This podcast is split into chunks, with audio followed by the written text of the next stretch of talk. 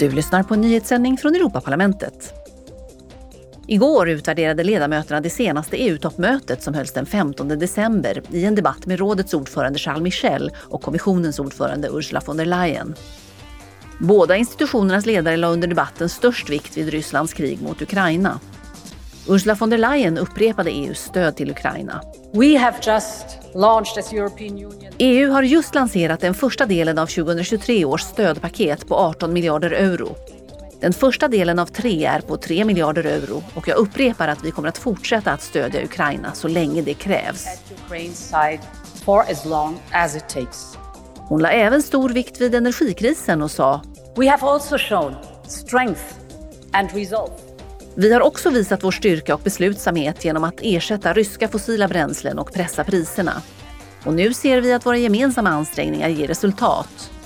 Gaspriserna är lägre nu än de var före Rysslands invasion av Ukraina.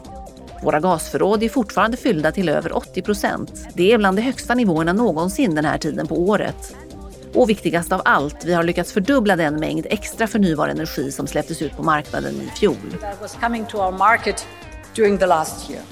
Charles Michel sa att enighet mellan medlemsländerna är avgörande om EU ska kunna ge sina medborgare fred och välstånd. Under plenarsessionen frågade ledamöterna ut kommissionen och Jessica Rosvall, Sveriges EU-minister, om deras reaktioner på avslöjandena om Ubers lobbyverksamhet i EU. Huvudfrågan var hur Uberförarnas arbetstagarrättigheter och sociala rättigheter påverkat arbetstagarrättigheter och sociala rättigheter i stort. Ledamöterna diskuterade också stormningen av de demokratiska institutionerna i Brasilien. Dessutom tog de upp situationen för journalister i Marocko och de humanitära konsekvenserna av blockaden i Nagorno-Karabach. Tre separata resolutioner om dessa ämnen kommer att tas upp till omröstning idag. Du har lyssnat på en nyhetssändning från Europaparlamentet.